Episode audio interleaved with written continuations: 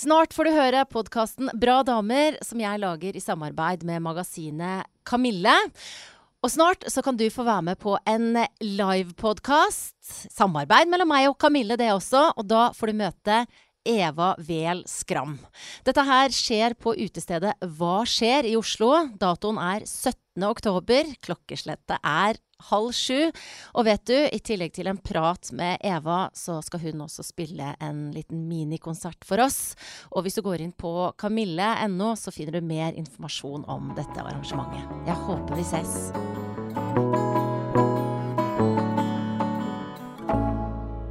Fra Kamille-weekend på Geilo Vestlia Resort og med en eh, sal full av nydelige damer som har vært ute og lufta seg, som har vært og trent og vært på foredrag, og så har kommet inn hit til Kai Fjell-salen for å høre på podkast.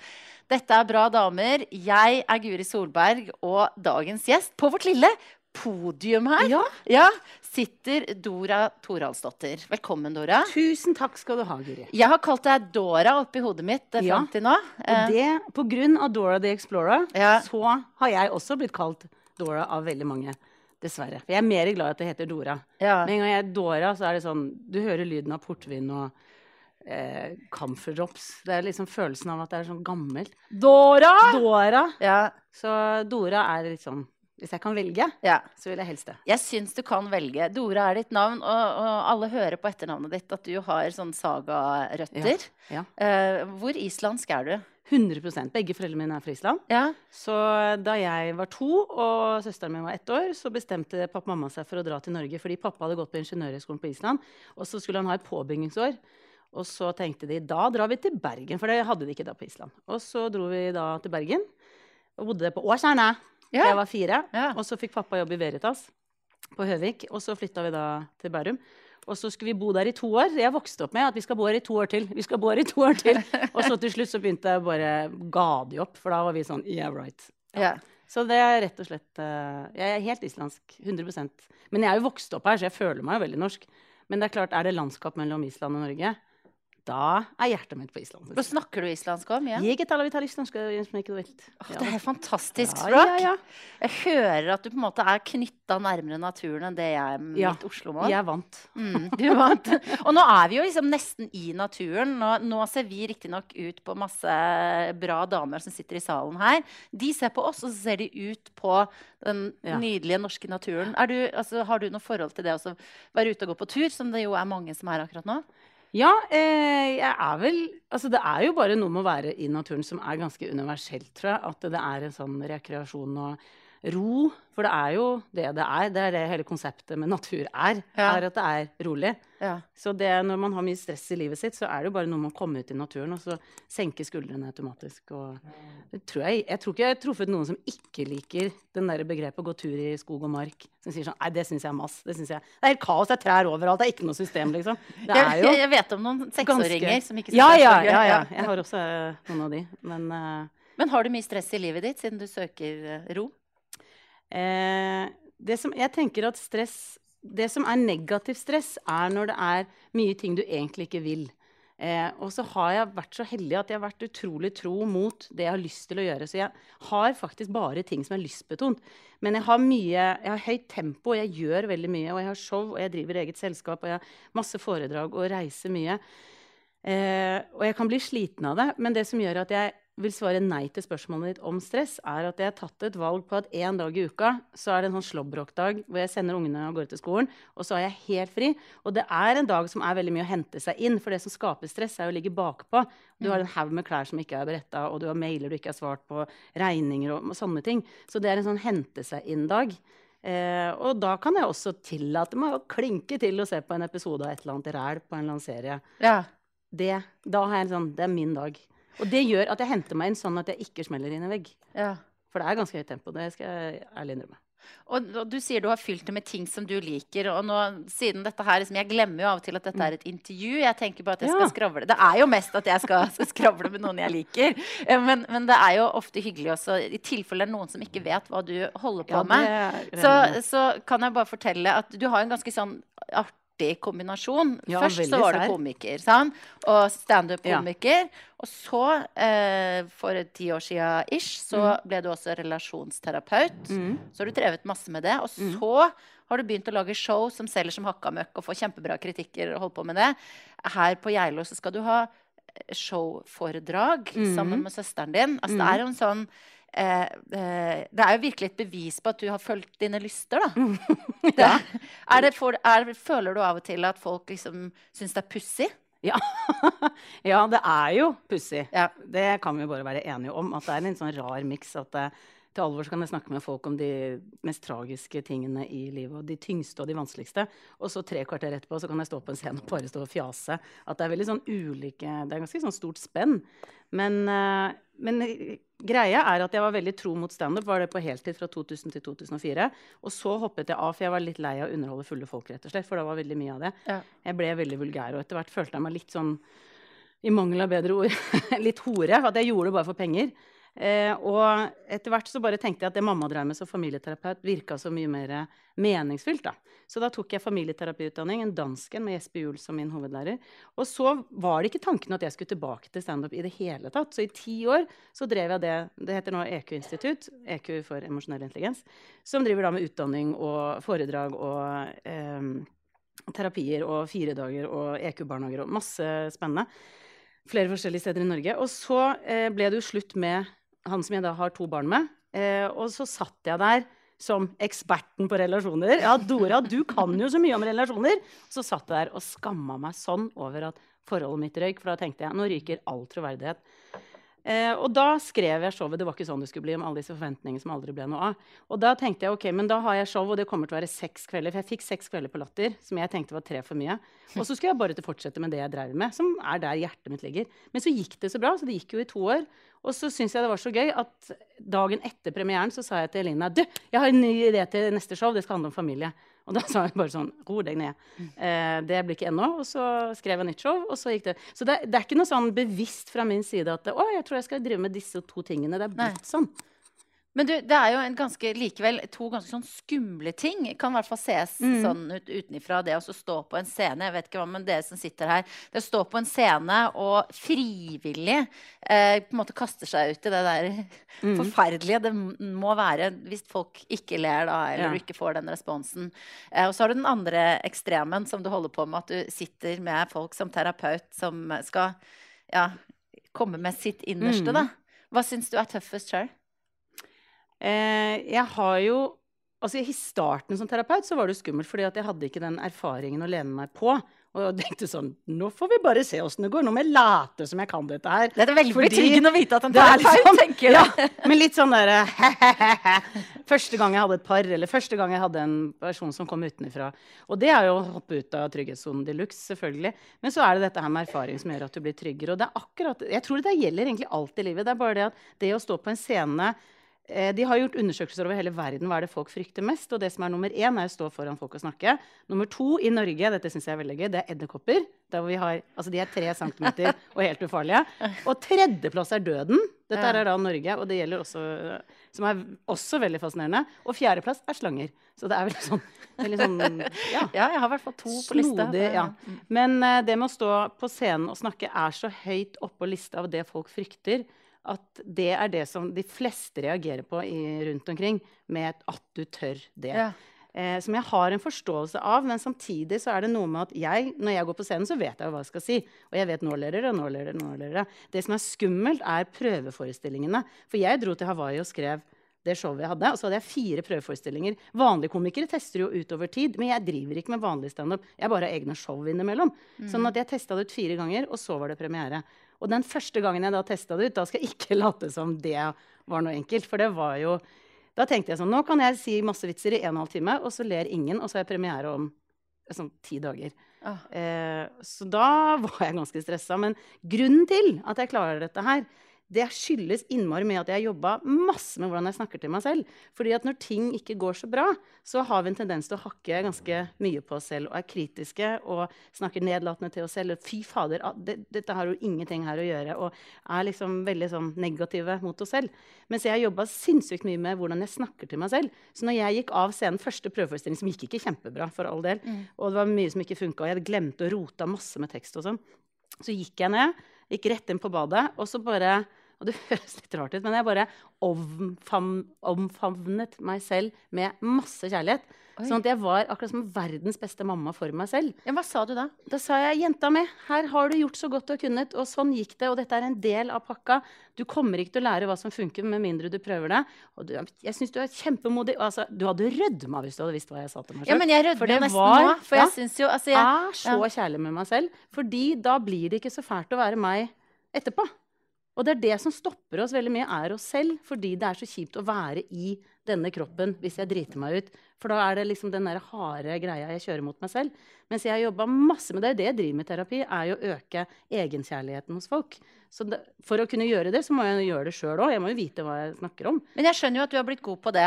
Ja. Hvis du på en måte har dyrka det og ja, jobba ja. med å, å, snakke pent til deg selv. Eh, men hvordan Altså når begynte du med det? For, eller har du alltid vært god på det? Nei, jeg tror nok at jeg også har manglet et fryktgen. For veldig mange har intuitivt en frykt av å gå på en scene og ta mikrofonen og si sånn 'Nå skal jeg være gøyal! Hør nå!' De fleste får jo magesår bare tanken på det, og utslett og litt eksem. For det er en sånn der, det er, kan jeg ikke tenke meg noe verre. Mm. Mens jeg har første gang jeg, jeg har jo aldri tenkt å bli standup-komiker. Ikke på noe som helst tidspunkt.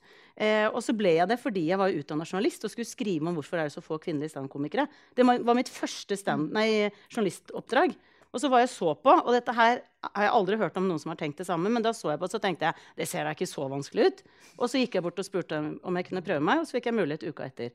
Og så ble jeg tilbudt jobb på stedet etter første gang. Så fjerde gang jeg gjorde standup, så sto jeg på Stjernesmellen i Skien. 400 øsedrita folk. Og da gikk jeg på scenen etter Tommy Steine, som var liksom superhero. Dette var i 2000. Og så var det før Harald Eia og Bård Tufte. Så det var liksom Halla, hva er greia med Men det var liksom rett ut. Ja. Uh, og da bare tenkte jeg da er det bare å dundre på. og og så mangla jeg den fryktgenet som jeg tror veldig mange har på De er så redde for å drite seg ut. Og akkurat den delen har jeg ikke så mye av. I tillegg til at jeg har egentlig vært, vært ganske snill med meg selv opp igjennom. Jeg kan se meg i speilet og si masse kjærlige ting til meg selv. Hvis jeg ikke har en god dag, eller noe sånt, så bare går jeg Jeg, har sånn peptalk, sånn coach inni meg. Men du, det er jo nydelig. Også, og det er jo sånn, jeg sa jo i stad litt sånn flåsete at jeg ja. rødmer nå. Ja. At, og mange blir jo, som meg, litt sånn halvsvett i henda. Ja. Sånn der, Tenk positivt og smil til deg selv i speilet. Og det er bare en sånn Jeg skjønner, jeg har forstått at man kan trene opp hjernen til å ta imot det. Men altså, det er når jeg står der og liksom Å, du er fin, du, Huri. Altså, så er det Blir jeg så flau. Ja. ja. Det jeg tror det handler litt om, er at vi har en terapiform som heter relasjonsterapi. Og da lukker du øynene og snakker med deg selv som barn. Enda flauere? Ja, det hører jeg du er ikke den mest opplagte kandidaten til dette her. Jeg skal prøve å åpne. men, eh, men, det er veldig naturlig der og da. Folk lukker øynene og går inn og ja. gråter masse og får ut en hel haug av ting. Mm. Eh, og så for å kunne, altså vi, vi tror jo veldig sterkt på at vi kan ikke hjelpe andre lenger enn dit vi har kommet selv. Sånn at det blir så viktig at vi har rydda opp i våre egne ting, for så å kunne hjelpe andre. Og da har jeg hatt masse terapier, og sånn, så jeg er egentlig ganske vant til å snakke til Lille-Dora. Nå blir du helt stressa, sikkert. Nei, nei, men, nå, altså, men jeg kan altså, se henne skal... for meg. Og når jeg bygger opp Egentlig så er det å snakke med ditt indre lille barn er å bygge deg selv opp. For det er liksom et bilde på dine følelser. Sånn at det å bli glad i deg selv som barn, er egentlig å bli glad i deg selv. Det er en sånn quick fix, egentlig. Eller en sånn ja. kjappere måte å gjøre det på. Eh, så jeg har gjort dette så mye. Så det å se meg inn i øynene i et speil Jeg trenger ikke å si så mye. Jeg kan bare se meg inn i øynene og si sånn Ja, dette gikk ikke helt veien, men her er du. Og jeg tenker at dette er, kommer til å gå seg til. Så sier jeg ting som jeg vet er oppbyggende. Men det er bare noe jeg har holdt på med i mange år. Men det er jo det jeg er veldig opptatt av også, er at veldig mange stopper seg selv i å tørre å gå for drømmene sine, eller si ja til ting som virker skummelt, eller våge å leve sitt liv, da, fordi at de har denne harde kritikeren som begrenser dem. Mm. Frykten for å, hva andre måtte synes, som tar så stor plass. Og det tenker jeg tar veldig mye glede også. Men har du vært i en situasjon hvor du har følt at du har vært begrensa deg selv? At du har vært for redd? Eller har det alltid vært fryktløst? Eh, det var et veldig godt spørsmål. Nå syns jeg du satte journalisthatten godt på deg. Mhm, Og ikke mhm. skravling. Nå er vi eh, Når jeg virkelig Altså, jeg, det mest sårbare er jo f.eks. sånn datingsituasjoner. Altså når, du, når det er et annet menneske, en relasjon med en annen menneske som du kanskje liker veldig godt, for eksempel, Ja. da står jeg ikke sånn Fy fader, dette er bare nailer liksom. For da er det en annens mening kommer inn i Mm. bildet også. Eh, for jeg er jo singel, sånn Så det vil jeg vel si er den derre Jeg må jo at den andre Hvis jeg liker en, så må jo han like meg tilbake. Ja. Og da kommer sårbarheten, selvfølgelig. Og så blir du syv år og bare sier Kan ikke, du, kan ikke vi bare leke sammen? ja. Men er ikke det ganske utrolig at uansett da hvor, hvor sterk man trener seg opp til å være sånn, så er Mhm. man liksom Når man kommer i den hvor man er enten forelska eller i hvert fall i ferd med å gjøre seg Mhm. selv sårbar, Mhm. da, så er man jo bare helt ko-ko og Ja, ja. tilbake på et eller annet slags nivå. Helt hudløs. Ja. Ja. Ja, Så det er vel det eneste som, de eneste arenaene hvor jeg kan kjenne på den derre Dette har ikke jeg kontroll på. Mm.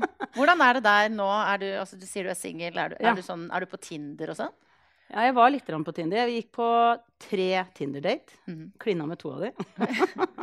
Klina i gåseøyne? Nei det, det er bare at uh, vi må snakke litt Ja. Tilfelle dattera mi hører på, eller noe Ja, nettopp. Ja.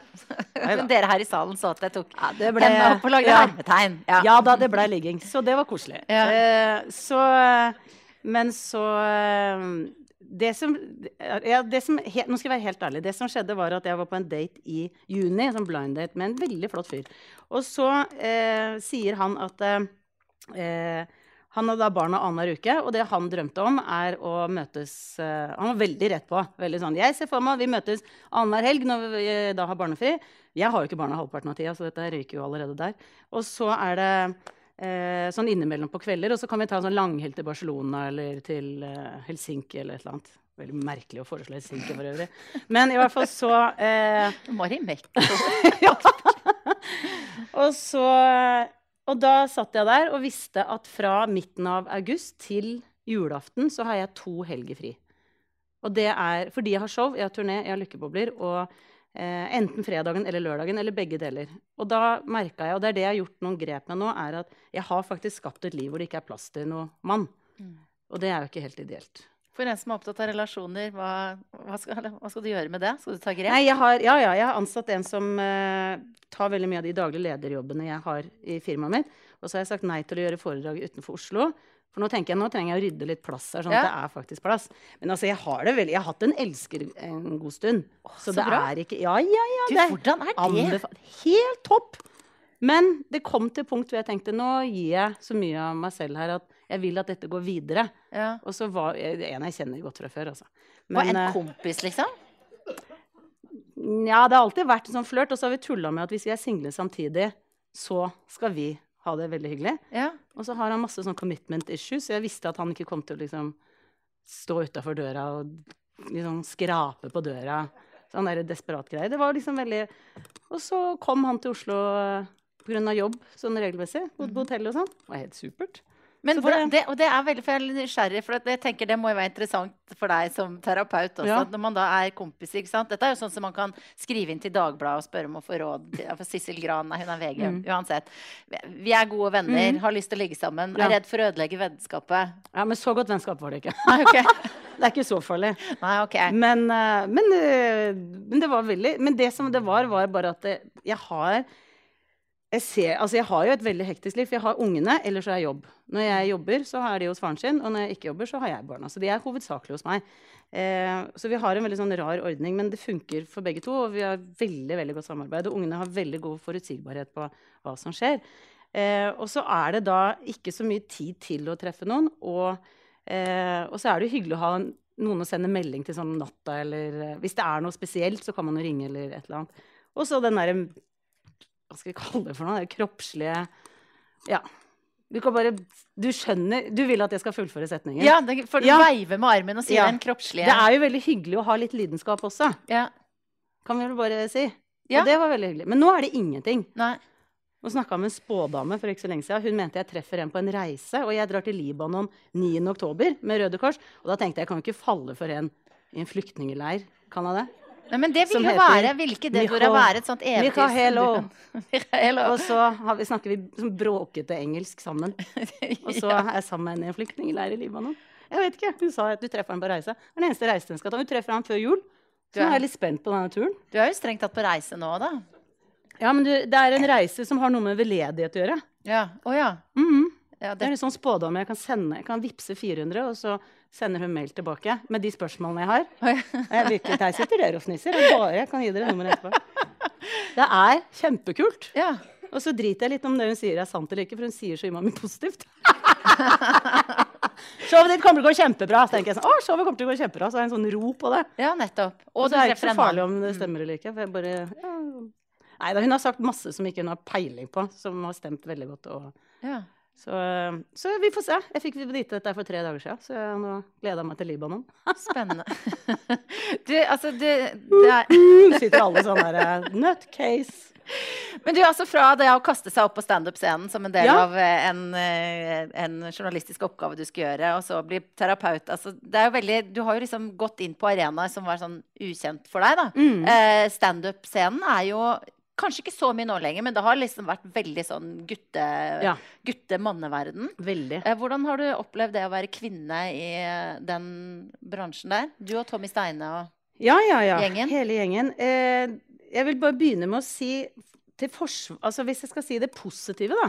Ja. Så er det det at jeg, da jeg kom inn, så var det Pernille, Sigrid Sigrid kom senere. Det var Pernille, Lisa Tønne og Janne Rønningen og meg. Det var, yeah. that's it.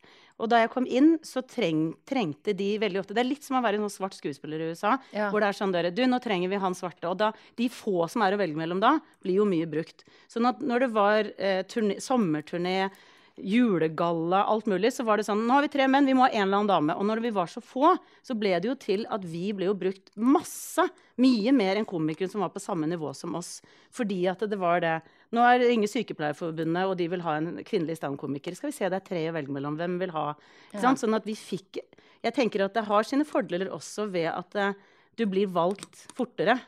Eh, så vi liksom føyk av gårde litt fortere da enn enn menn på samme nivå. Så det vil jeg kanskje si først. Og så har jeg aldri hatt noe problem med å, jobbe med de gutta som er. De er jo Det er jo en pubertal gjeng, føler jeg. Ja. En del av de. Eh, men jeg er veldig glad i mange av de, for vi har, det er så innmari lite miljø, så vi kjenner hverandre veldig godt. Eh, så jeg har ikke følt på noe sånn trakassering og eh, at det er liksom hardt av noe slag. Og etter at jeg ble terapeut, så har jeg jo hatt nesten alle i terapi også.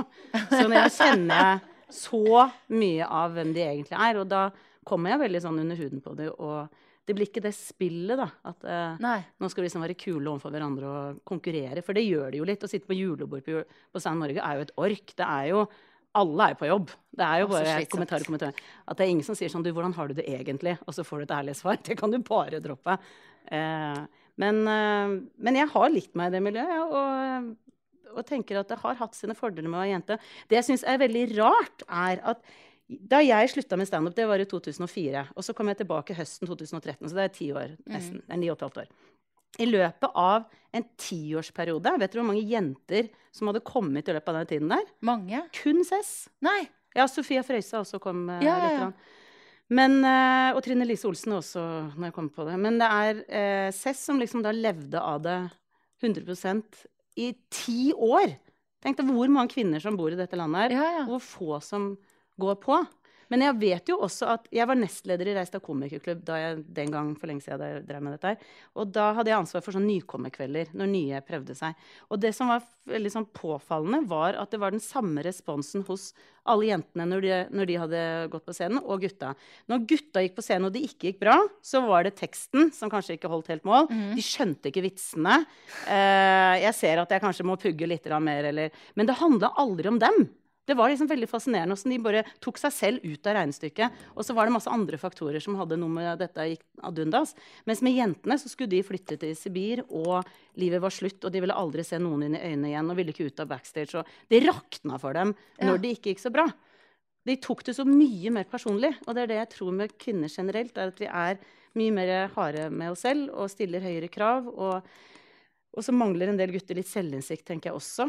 Eh, Ja. Så de eh, Som er på godt og vondt, holdt jeg på å si. På, i dette tilfellet her, så er det da at gutta kunne gå på, så gikk det ikke så bra. Så tenkte jeg ja, ja, men da bare jobber jeg litt mer med teksten, og så går det bedre neste gang. Mens veldig mange jenter stoppa på den første motstanden, liksom. Og så bare Dette orker jeg ikke å gjøre igjen. Hva skal vi gjøre for å ikke bli de damene som bare bryter sammen hver gang vi Det er det jeg holder foredrag og har terapi Ja. Så jeg yes, jobber med nå, saken. Dora. Ja. Nei, det er veldig mye av hvordan vi snakker til det selv. Men det som er at vi formes jo i vår oppvekst. De første seks-syv leveårene er jo de aller viktigste. Sånn at dessverre så er det veldig mange som er oppdratt til å være flinke piker og eh, gjøre det som er riktig. Da blir du elsket. Da blir du likt. Da får du kjærlighet. Så da blir det at vi blir fryktelig mange av oss flinke piker er ytrestyrte. Og så trenger vi å prestere for å bli likt. Og da er vi hele tiden i en test. Da er vi hele tiden aldri frie til å bare stole på oss selv. Sånn at det har fryktelig mye med oppveksten vår å gjøre at vi er så skrudd, så mange av oss. Og og da begynner jo jeg som småbarnsmor å tenke på hvor mye det er, går an å fucke opp disse barna Ja. når jeg er eh, Men det det handler i bunn og grunn om, er at hvis du møter følelsen, dine, nei, følelsen til barna dine, mm, respekterer det At det er lov å være sint, men jeg vil ikke at du slår, f.eks. Eller Ja. jeg ser at du er lei deg, jeg vil gjerne trøste deg. Den måten du møter følelsene til barna dine, er den måten de lærer å møte sine egne følelser på. Sånn at hvis et barn opplever at når det gråter, f.eks. Altså gutter, da, fire år og gråter, og så er det sånn Nei, slutt da, nå er du fire år, nå er du blitt stor gutt. Dette er ikke noe å grine for. Når han da blir 40 og har en livskrise, Mm. så kommer ikke til han kunne gråte eller få ut den sorgen på en naturlig måte, for han har lært seg liksom at det skal jeg holde igjen og ikke vise. Sånn at det, det, jeg tenker at eh, det, du kan tråkke ganske mye feil som foreldre, hvis man kan si det. Altså jeg tenker at det viktigste er bare at du er deg selv og gjør så godt du kan, og så er det det du har å by på. Vi kan ikke bli noen overmennesker, og det er jo ikke det som barn har godt av heller. Men jeg tror det å eh, anerkjenne at de er den de er, og at de får ubetinget kjærlighet og ikke betinget kjærlighet. Vil si at de trenger ikke å prestere for å bli elsket, men at de er elsket for den de er. mm. Hvis du får med deg det, da er du Da kan du bare slappe av. Ja. Har, har, Lykke barna til. de, har deres barn Jeg sitter og tenker, har jeg gjort dette riktig? Gjort dette riktig?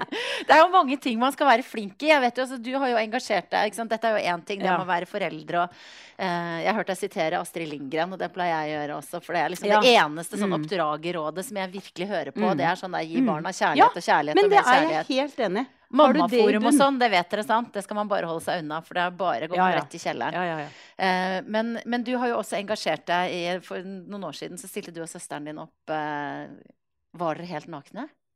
ja, ja. Ja! ja! Jeg kan ikke late På som jeg er naken på et bilde. av Kamille. Jeg bare Ja. huska jeg må få det mentale Mm. bildet om du hadde noe. På Men altså, ja, eh, som en protest mot eh, kroppshysteriet. Mm. Dette er jo nå noen år siden. Mhm. Eh, nå har det vært, på en måte vært veldig mange som har stilt opp uh, med sine uperfekte kropper. Da. Eh, og man kan jo diskutere opp og ned i mente. Det er ingen tvil om at det er et skjønnhetspress. Men uh, jeg blir stadig usikker på hvordan man egentlig skal et, liksom, bekjempe det. Har du det samme? Ville du stilt opp nå en gang Nei, til? nå tenker jeg jeg har vært med i to runder med å bruke denne kroppen her, så jeg tror nok Ja. Nå er du ferdig med det? Nå er jeg ferdig med det. Jeg Mhm. tenker sånn, nå har jeg gjort mitt på å kle av meg. Eh, men tanken var jo bare at vi ser disse retusjerte, perfekte eh, kroppene som ikke eksisterer, så mye at det blir normalen. Og så sammenligner vi oss med en kropp som ikke fins, og så kommer vi til kort. Så det er noe med å minne om hvordan ting ser ut. Og så var jeg med på Sanitetskvinnene hadde jo en kampanje hvor jeg da stilte opp. Eh, hvor jeg stilte opp i undertøy i flombelysning inne i et sånt reklamestudio. Ja. Sånn full belysning. Og så Og jeg prøvde å få mer kjente, for jeg følte liksom at jeg var ikke kjent nok. Så jeg tenkte nå ringer jeg rundt, og så får jeg noen som er veldig kjente til å stille opp. Det Hei, du kan du stille opp helt gratis der hvor du står i undertøy i masse lys, og så blir kroppen din retusjert. Og dette skal vi liksom få mest mulig utover. Ja. Og da var det ikke så da var det ikke noe sånn tja. Det var bare Nei. sånn eh, nei, det gidder jeg ikke. Nei. Så da tenkte jeg, Og da sa jeg til Sanitetskvinnene, for jeg, det var jo min idé, dette her. Og så sa jeg at hvis jeg ikke får noen, så skal jeg gjøre det sjøl. Og så satt jeg der til slutt og tenkte ja, forkler kle meg, da. Ja. Og, så, eh, og det som var poenget med det, og det er det jeg brenner veldig for, når du spør liksom, hva kan vi gjøre, det er at eh, jeg så, så ut som jeg gjør. Som vanlig, født to barn, lever vanlig liv og alt dette her.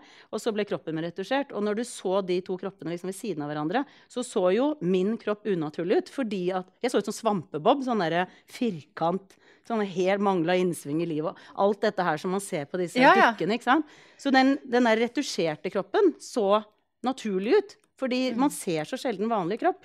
Sånn at det som var Hele poenget med dette her var å få nok underskrifter, levere til eh, helseministeren eh, Bent Høie, og så få eh, merking av retusjert reklame. Sånn at i hjørnet på kropper som er blitt endra, så skulle det stå liksom en sånn merke som betyr PS, denne kroppen fins ikke.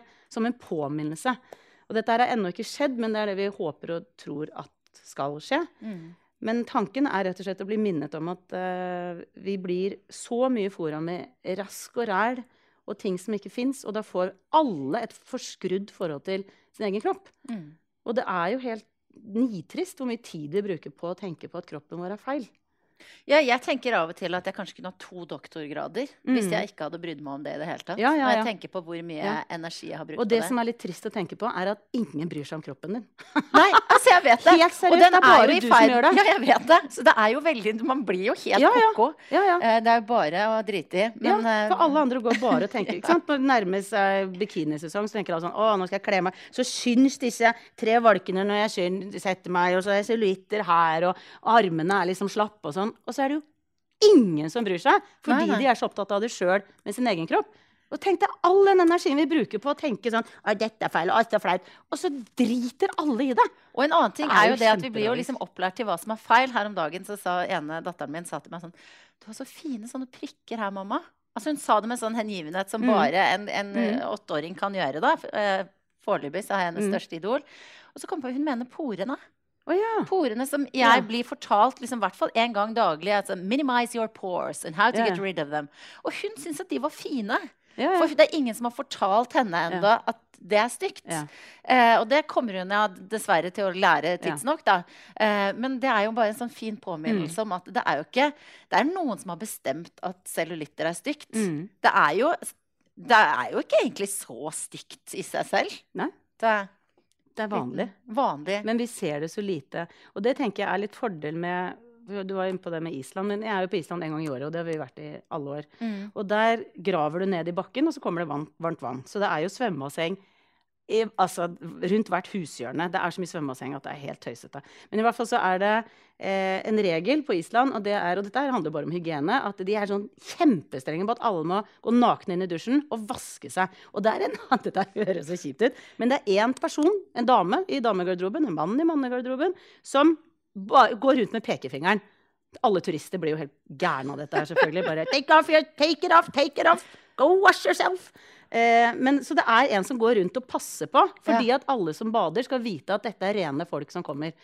Poenget mitt da, det er at når du bor på Island og bader dette her, Folk går jo ikke tur, for det bare blåser over ende, og det er ikke noe gøy.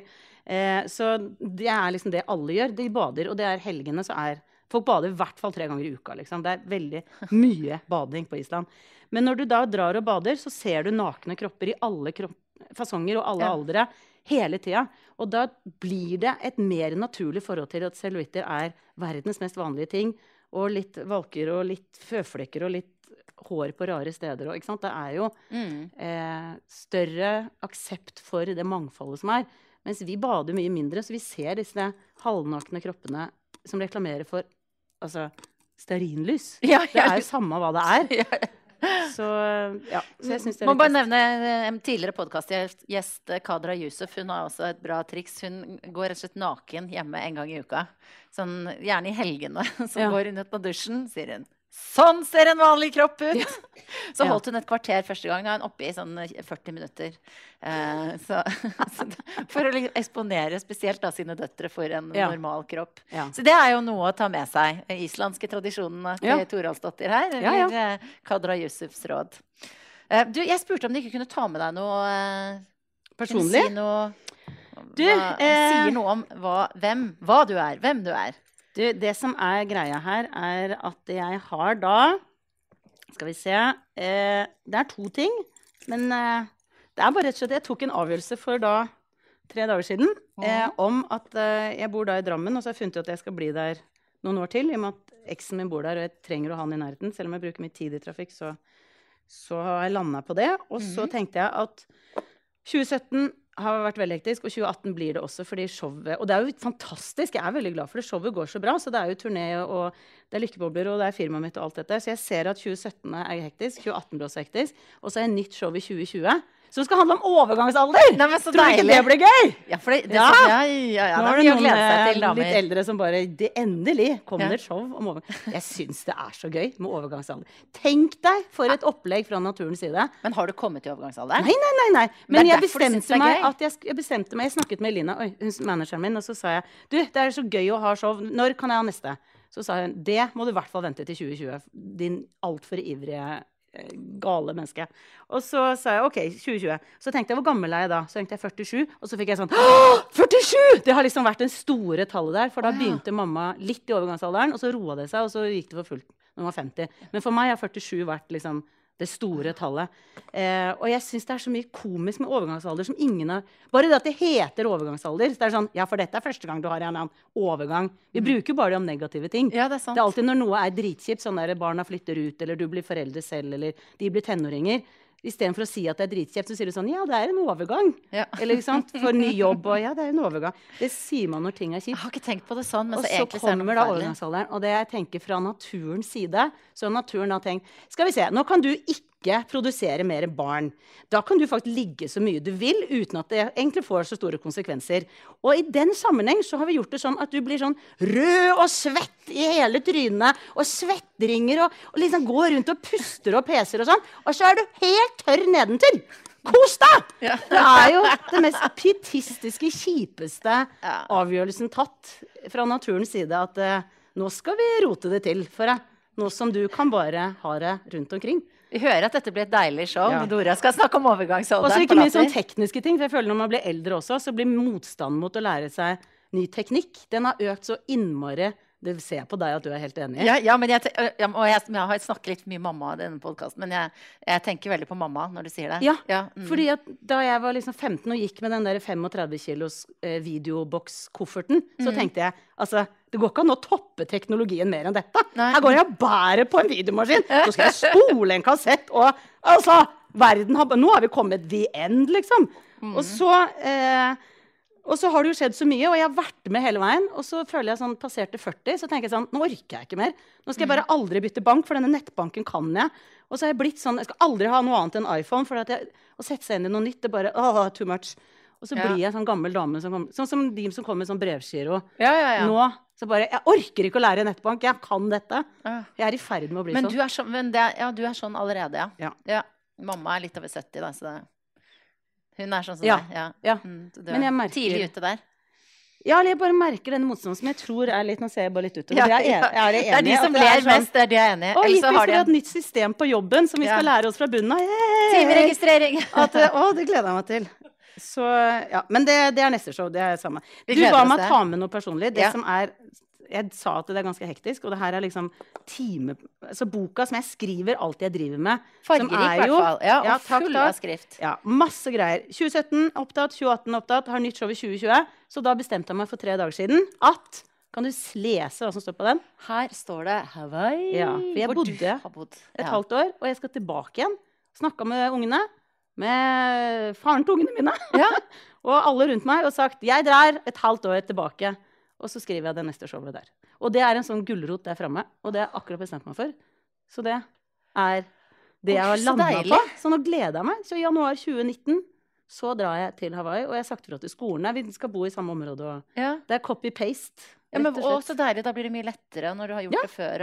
Så da går ungene på hawaiisk skole. Hawaiisk skole Ja. som heter Honolulu Waldorf School, som er Steiner-skole. Åh, fantastisk. Som eh, de har kontakt fremdeles med de de gikk sammen med. ja. Så dette her eh, Så jeg går og svever litt, fordi at jeg skal rett og slett eh, gjøre noe jeg har gjort før, og gleder meg veldig, for da har jeg den roen i et halvt år der fremme.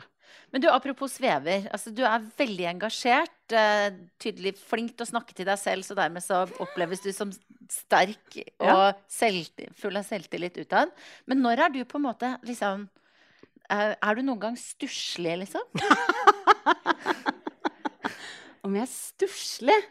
Ja, Ja, sånn, hvis jeg er skikkelig eh, sliten eh, Jeg bare kom på Det som er at det ble slutt med Jon, han som er da far til mine to barn, eh, for fire og et halvt år siden. Og så hadde jeg en kjæreste i to år som bodde i Trondheim. Eh, og han eh, het Hognes til etternavn, og jeg pleide å kalle hjemmet hans for Hognes Bar Retreat. Mm. Og jeg tror jeg på mitt stussligste var noen ganger når jeg hadde drev dette firmaet, plutselig satte opp standup-show som gikk så innmari bra, og så hadde jeg to små barn og liksom samlivsbrudd, og det, det er jo ganske sånn omfattende greie, og flytting, og det er liksom Det er mye. Og så traff jeg han et halvt år etter at det ble slutt, og så eh, var jeg noen ganger så ekstremt sliten, og så skulle jeg til han, og da ringte jeg noen ganger og sa bare ikke forventet fyrverkeri. Dette her er den stussligste varianten du får. Så dette blir kjedelig for deg, men fint for meg. og så kunne jeg komme på Værnes, eh, og det tenker jeg hver gang jeg kommer faktisk på Værnes. Eh, for han hadde sånn fast plass han alltid sto på. Ja, ja. Så var han to meter høy, sånn nøyaktig 2,00, liksom. Eh, Det var ikke et uttrykk, han var to To- meter med sånne store armer. Og da kunne jeg liksom bare gå inn i de der armene, og, eh, og jeg, ofte jeg begynte å grine, for da var jeg så sliten. Og så kom vi dit, og så var han veldig flink til å lage mat, og eller, vin var han opptatt av, og så satte vi oss ned, det var en sånn fast greie, så masserte han beina mine, og da, og da var jeg sånn, nå må du bare være søppelbøtta mi, for det er det som er... Og da tenker jeg, dette er ikke sånn drømmekjæreste-treff, men det tok seg opp etter hvert, altså. Ja. Men jeg tror når du spør, så er det det første som kommer opp. At eh, da, da er jeg bare sånn Orker jeg ikke å underholde? Orker jeg ikke å komme med noe fett ut? Nå har jeg bare lyst til å sitte her og hente meg inn og være rolig. Men når du nå ikke har dette her spa-retreat-typen oppe i Trondheim, hvor, hvor, hvor er det du har nå hvor du kan være et sted Jeg hvor du ikke bør behøver å levere? Hvis du ser her, dette her er da min eh, dagbok, som jeg skriver alt jeg gjør i. Og som du ser, ser du hvilken bokstav som står der, f.eks.? Det på Ja. fredag 27. Ja. Og så er det da en sånn i hver uke. Se her. Her er det. Er det Og liksom Her er det. Det er Dora-dag. Ja. Og det er det som gjør at eh, Da kan jeg være Gå i slåbrok og være stille og gjøre, hente meg inn litt. Mm. Jeg tror ingen er jo noe overmenneske. Jeg går ikke rundt og er litt sånn hele tida. Det hadde jo bare vært fryktelig slitsomt for alle mennesker. Men eh, Så jeg har liksom sånn rolig dag. Det er veldig, veldig fint. Fordi det er mye Jeg holder jo mye foredrag, og så er jeg daglig leder og har mange ansatte og sånn. Og show. Og da er det jo litt vesentlig å være den som viser at det jeg driver og snakker om, har noe for seg. Mm. yeah. Det blir liksom veldig selvmotsigende sånn. Lytt til sjæl. Er utrolig givende å leve det livet som er riktig for deg. Og så ser man helt kake ut og tenker faktisk sånn Stakkars, du har lest en bok, du, og så har du ikke skjønt det sjøl. Eh, så det er liksom viktig at jeg lever det jeg sier, Mm. som er å ta godt vare på deg selv. Jeg er veldig opptatt av å lytte på den indre stemmen og ta den på alvor. Og da er det disse hente seg inn-dagene. ja. Det Jeg føler at jeg har gått og slått veldig- et slag for de. Ja, det, jeg Ja. syns det hørtes veldig lurt ut. Mm. Men altså, har du da Er det istedenfor lørdag og søndag? Ja, for jeg har jo barna eller jobb et eller annet sted. Mm. Sånn at jeg har ikke vanlige helger sånn som vanlige folk. Nei. For jeg har liksom Guri-dag, på en måte. Ja, ja. Altså, jeg har jo ungene og sånn, Ja. men jeg, jeg er jo, slapper jo av på lørdag-søndag. Ja, men jeg tenker, jeg har jo barn alene, sånn at, eh, og de har jo ofte venner på besøk, og det er jo liksom De driver med fotball og turn og sånn. Det er jo noe, det er bursdager, og det er det ene og det andre. Men den derre stillheten Mm. Jeg er veldig glad i stillhet.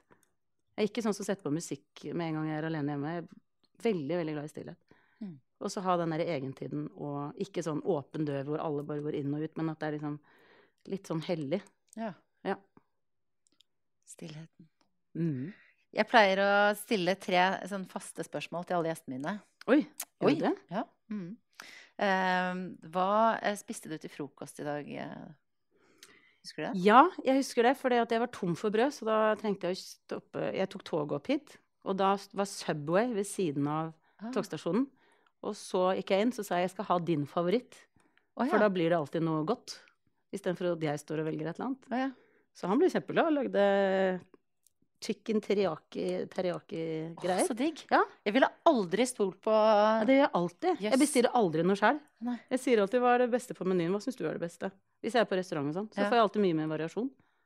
Så tenker jeg sånn Oi! Dette hadde jeg ikke tenkt på! Og, så blir, og de legger jo litt stolthet i at dette er det beste jeg kan by på. Og da blir det ikke noe ræl. Så blir det litt sånn hm, utvide horisonten litt. Hva, hvor lang tid brukte du på å finne ut hva du skal ha på deg i dag? Eh, jeg er innmari dårlig på klær, egentlig. Jeg er veldig uinteressert i klær. Jeg kjøper klær én gang i året. I Haugesund. I en butikk som heter Cha-Cha. Så vet dere det? Unnskyld, Chacha. Fordi at uh, der er det en fantastisk dame som driver det. Og det er vesker og bukser og uh, sko og yttertøy og alt sammen. Og Ja. så har jeg gjort det der i fem år, tror jeg. Så hun kjenner meg så godt. Så nå kom jeg og Lykkeboble var jo der nå for noen uker siden. Og da ringte jeg, og da var det søndag. Så sa jeg sånn Kan du åpne sjappa? Og hun bare eh, Ja, det kan jeg. For jeg er jo så god kunde. Jeg legger jo inn masse penger. Jeg kjøper jo bare en gang i året. Så går jeg ut derfra med seks bukser og fem topper og en jakke og denne veska her og Ja, Så- har du da liksom litt sånn eh, Ja, beige Men det var det som er at det. Ja, det kan jeg bare si veldig kort. At det som er veldig gøy Nå skal jeg vise dere dette her, som er jo ganske kult antrekk. Jeg var i Gøteborg med på Liseborg. Dette Ja. er en av de få gangene jeg har kjøpt klær utenom cha-cha-turene min. Eh, og da var det så smart, fordi at han som da drev denne butikken, han hadde fem, seks, syv topper. Som var veldig sånn, Det så veldig sånn eksklusivt ut. som var fem, seks, syv topper. Mm. Så kom han inn og prøvde toppene. Og da sa han du, prøv med denne buksa og de bootsene her. Så han hadde ett, én par bukse og ett par sko i hele butikken. Oh, ja. Og det var dette her. Så dette her var liksom Så du er stockholmere fra topp til tå? Ja, jeg kjøpte denne toppen, Ja. og så kom han med den der, de skoene og buksa. Så sa han prøv det til. Og så var vi tre stykker som prøvde, og alle endte opp med å kjøpe den samme buksa og samme skoene. Yes. For det var det eneste buksa og skoene som var i butikken. Og så var det den eh, toppen her. Så når, når jeg tar på den, så tar jeg på resten av outfitet. Da er slipper jeg å tenke meg om. for, Men du er jeg ikke spesielt matcher. opptatt av det? Nei, fins ikke opptatt av mote. Jeg syns det er helt. Jeg blir sånn mann og kjeder meg i Ja. butikk og sånn der shopping og champagne. Da holder jeg meg til champagne. Ja. ja, nå har vi jo snart drukket et eh, glass her. Ja. Det glemte jeg å si når vi starta i stad. Det hørtes sånn litt, lite, vel dekadent eh, ut. Men du er jo en dame som er glad i bobler. Ja, glad i bobler og veldig lite opptatt av klær. Så kan du ta den slurken, og så kan du svare på når hadde du sex sist? Eh, det var Jeg gikk på en smell i august. Midten av august. Ja, Og den, fortell smell, hva legger du i det? Det var en eks som sendte en melding for lenge, lenge, lenge siden eks. Og så sa han Nå er jeg på Elvefestivalen i Drammen. Og så sa jeg Jaså, er du det? Og så blei det sånn at vi møttes. Og, så det var sist gang jeg Det var så koselig at du gikk rett på det. Ja, Ja. Nei, men det er av og til. Så det er jo egentlig ikke så lenge siden. Nei, august er Så vi eh, får se på med Libanon nå, hva som skjer. ja. Er ikke det veldig gøy? Du skal treffe en på en reise, og så er det Libanon, liksom? ja. Nei, men du vet jo aldri. Jeg ble helt stressa av tanken. Sånn. Mm. Ja ja, vi får se. Spennende ting foran deg. Håper da det. Du, jeg har jo snakka med eh, Du er jo nummer 51. Nei. Fem, den 51 beste dama i Norge. Mm. da. Men jeg har jo snakka med veldig mange bra damer. eh, og det er jo altså Alle damer er jo bra. Alle Mhm. mennesker er jo bra. Men så Mm. prøver jeg liksom å finne ut hva er kriteriene, på en måte. Har du noe, hva, hva, hvordan vil du beskrive en bra dame? Oi. Um ok, nå, veldig, nå tar jeg på terapeuthatten litt. Fordi at det jeg opplever, er at jeg har til gode å treffe et menneske som jeg ikke blir glad i, når de viser hvem de er. Fordi at når jeg har folk i terapi, så snakker de om sine personlige ting, ting, er, ting som er vanskelig, det mest sårbare i livet, kanskje om oppvekst. No, når du sitter sammen med et menneske som kanskje gråter eller er kjempeforbanna for en pappa som aldri viste noe omsorg, og det har ført til at hun har tatt masse dårlige valg overfor menn i voksen alder og sånn, så kommer du så nært et annet menneske at eh, jeg blir innmari fascinert i hvor lett det er å bli glad i et menneske når du viser hvem du er. Sånn at når du sier 'hva er en bra dame', så tenker jeg at vi er alle veldig bra. Men så er det mange av oss som spiller litt spill for å bli likt. Og da distanserer vi oss fra andre. Men, og det er en veldig misforståelse at når vi tør å vise hvem vi er, så, så kommer folk nærmere oss. Så det er en sånn ren oppmuntring til at når du er sårbar og ærlig og ja, bare forteller hva som skjer på innsiden, det er det som skaper nærhet til andre mennesker. Så jeg vil faktisk si at eh, alle er bra, alle gjør så godt de kan, og alle har gode grunner til at de gjør det de gjør. For det er utrolig ofte jeg har noen i terapi som kanskje kan virke eh, ja, du var ikke sånn veldig opptatt av det ytre, liksom. Hvis du har veldig fett hår og alt er på halv tolv og sånn. Og så snakker jeg med personen, så er det kanskje en som har levd med en psykopat i mange år. Og har akkurat ikke sant? Du har bare de verste historiene. Og jeg tenker sånn, det er jo ikke rart at det å vaske håret for deg er relativt langt ned på lista Ja, når du lever det livet du gjør. Sånn at det er alltid så innmari gode grunner til F.eks. en som kan virke veldig avvisende. Kanskje vokst opp med masse avvisning og det de kan. Og livredde for å bli avvist. Og da er det lettere at jeg avviser andre, for da slipper jeg å bli det selv. Så det er alltid gode grunner til at vi er som vi er. Og når du får lov til å komme på innsiden av et menneske, så er det så vakkert. Det er så nydelig. Du virker veldig raus, da. Jeg merker jeg er jo Ja. strengere enn deg. Velkommen i terapi, Guri Solberg. Jeg kan sette time nå som jeg har kalenderen foran meg her. Vi får ta det etterpå. Det kan at det hadde vært bra. Jeg må bare komme over der. Ja, ja, det så meg. Nei da. Jeg sitter bak deg, faktisk. Og du skal slippe Nei, du Jo, gjør på Freud-måten. Freud. jeg sitter ikke Du ligger ikke på en benk. Nei, men du sitter bare på en stol, sånn litt bak, fordi at alle Ja. syns det er Hvis du gråter, Ja. for eksempel, eller viser andre følelser, så syns de fleste det er ubehagelig å bli sett på. Og i hvert fall når du sitter med øynene igjen, for da kan du ikke følge med på Ser du på meg nå, eller? Så derfor sitter vi faktisk litt sånn bak, for da, da, sitter, da føler du at du er litt for deg selv. Ja. Det blir da om tre kvarter, så setter vi opp en session her, så kan dere komme og se på hvor rollene er snudd om. Men uh, fram til det så sier jeg tusen takk, Dora. Det var, var en terapitime bare å prate med deg. Tusen takk Ja, for at du var med i podkasten. Og tusen takk til dere flotte damer som sitter i salen. Takk! Denne podkasten den lages i samarbeid med Kamille, og nå kan du som Bra damer-lytter få et eh, spesialtilbud på eh, et halvt års abonnement. Da får du åtte utgaver, og dette her eh, koster deg bare 189 kroner. Og for å få dette spesialtilbudet som min podkastlytter, så sender du en SMS med Guri Mil. Altså en slags miks av Guri og Kamille. Guri Mil til 2205. God lesing! Monster.